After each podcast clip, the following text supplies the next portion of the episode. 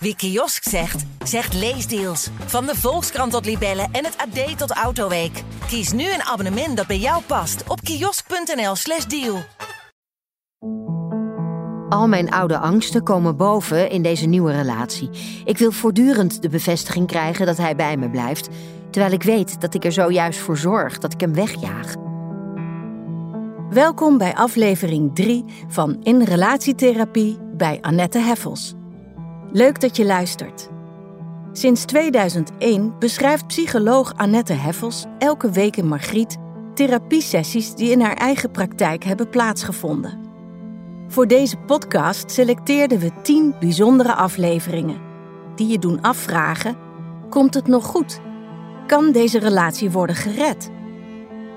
Dit keer het verhaal van Petra en Michiel. Petra wil al gaan samenwonen met nieuwe liefde Michiel.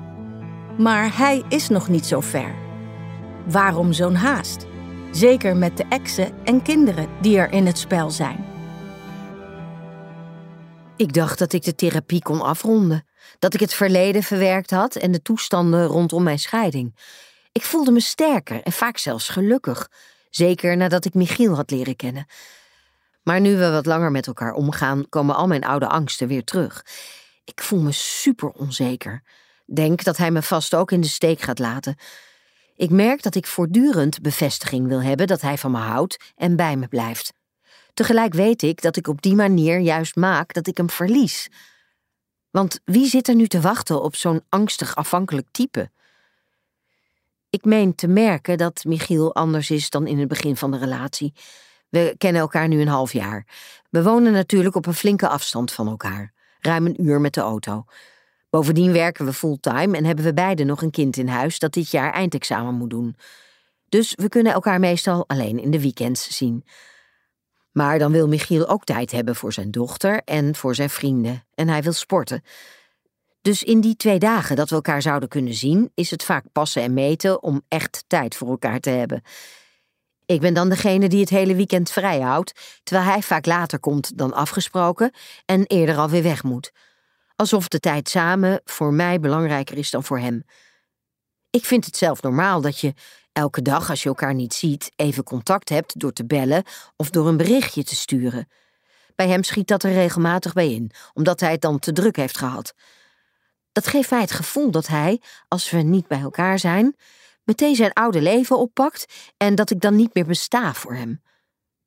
Omdat we elkaar zo weinig kunnen zien, ben ik begonnen over samenwonen. Ik snap dat hij niet kan verhuizen vanwege zijn werk. Voor mij is dat makkelijker. Ik zou een baan kunnen zoeken in zijn stad. Ik werk in het onderwijs en ik denk dat ik makkelijk iets vind. Jelle gaat volgend jaar studeren, dus voor hem hoef ik niet meer hier te blijven wonen. Ik kan mijn huis verkopen en zou eerst bij hem in kunnen trekken. Daarna zouden we misschien samen iets kunnen kopen. Dat hoeft voor mij allemaal niet meteen, maar ik vind het wel belangrijk om een perspectief te hebben. Hij schrikt daarvan. Hij wil de relatie langzaam opbouwen, zegt hij. En hij vindt het moeilijk als ik voor hem mijn huidige baan opzeg, waar ik het heel erg naar mijn zin heb, en als ik mijn huis verkoop.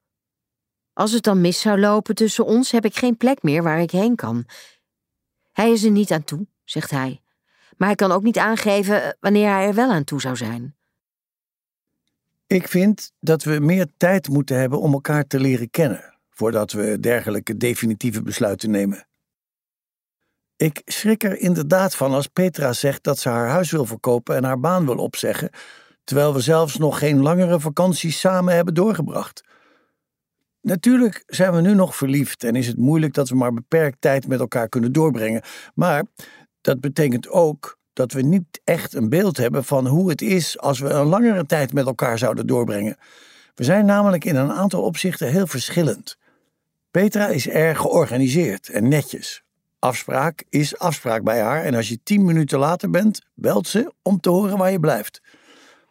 Ik ben makkelijker. Op mijn werk moet ik uiteraard van afspraak tot afspraak leven en mijn tijd goed indelen, maar thuis heb ik juist de behoefte om te ontspannen. Ik wil er zijn voor Sascha, omdat zij het zwaar heeft gehad met onze scheiding. Ze hangt erg aan mij. Op dit moment heeft ze het contact met haar moeder verbroken, dus ik wil niet dat ze hele weekends alleen zit. Ze kan vanwege schoolwerk niet vaak in het weekend naar Petra en wil dat ook niet. Petra heeft weliswaar aangeboden dat zij dan wel steeds naar ons toe komt, maar ik denk dat het voor mijn dochter belangrijk is dat ze tijd met mij alleen heeft. Bovendien heeft ze het nu zwaar en is het de vraag of ze haar eindexamen gaat halen, dus ik wil haar daar zoveel mogelijk in steunen. Daarnaast is sporten en contact met mijn vrienden voor mij ook belangrijk. Ik zit op zaterdagmorgen in een voetbalteam met een aantal van die jongens en als ik voortdurend verstek laat gaan, komen zij een man tekort.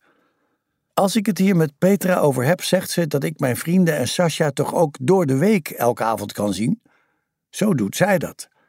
Zij vindt dat ik te weinig in onze relatie investeer.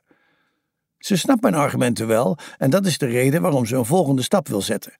Als we samenwonen, zien we elkaar elke dag. En dan is er meer tijd voor al die andere dingen die ik belangrijk vind.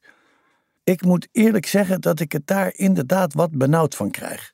Ik vind haar claimend en heb het idee dat ik voortdurend moet bewijzen dat ik van haar houd en dat zij voor mij op de eerste plaats komt. Mijn dochter en Petra komen zeker op de eerste plaats, maar we zijn nog in een beginfase van onze relatie.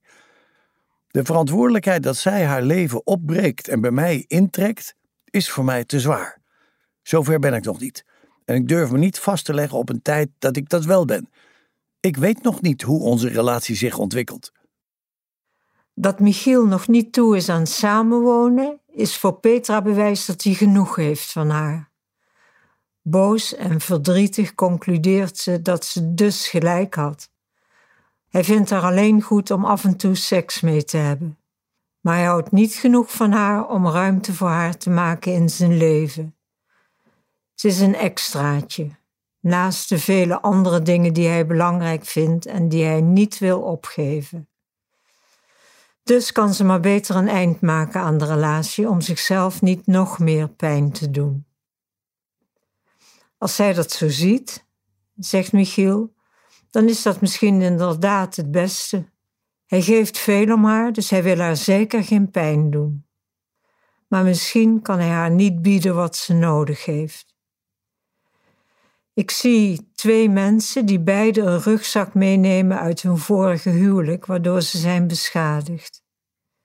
En nu zijn ze dus op hun hoede.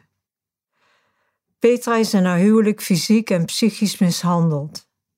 Ze is te lang doorgegaan in dit huwelijk. Ze ging ervan uit, na een jeugd met weinig koestering, dat ze vast ook geen liefde verdiende. Ze was niet de moeite waard en vroeg te veel. En dat zou Michiel ook wel vinden. In een eerdere therapie heeft ze ontdekt dat ze als kind meer nodig had gehad en meer had verdiend. Maar nu ze zich weer zou willen binden aan een nieuwe liefde, komen oude angsten en minderwaardigheidsgevoelens terug. Michiel heeft zich heel machteloos en mislukt gevoeld in zijn huwelijk.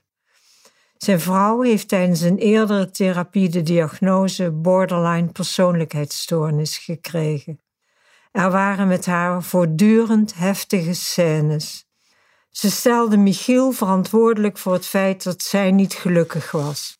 Vanwege zijn dochter heeft hij lang geprobeerd om zijn gezin toch in stand te houden, totdat zijn vrouw verliefd werd op een ander en vertrok.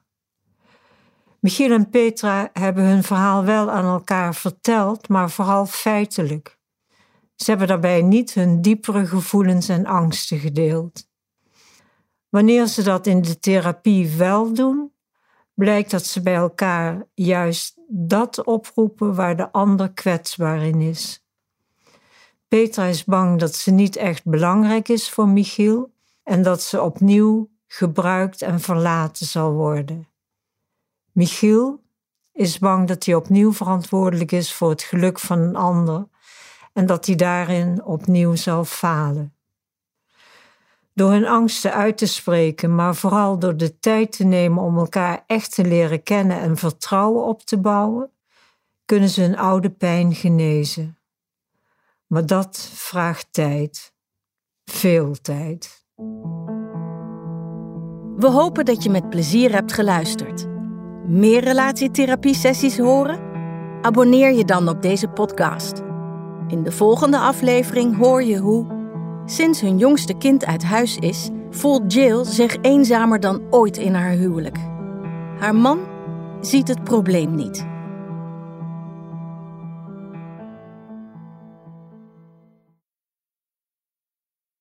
Wie kiosk zegt, zegt leesdeals. Van de Volkskrant tot Libellen en het AD tot Autoweek. Kies nu een abonnement dat bij jou past op kiosk.nl/slash deal.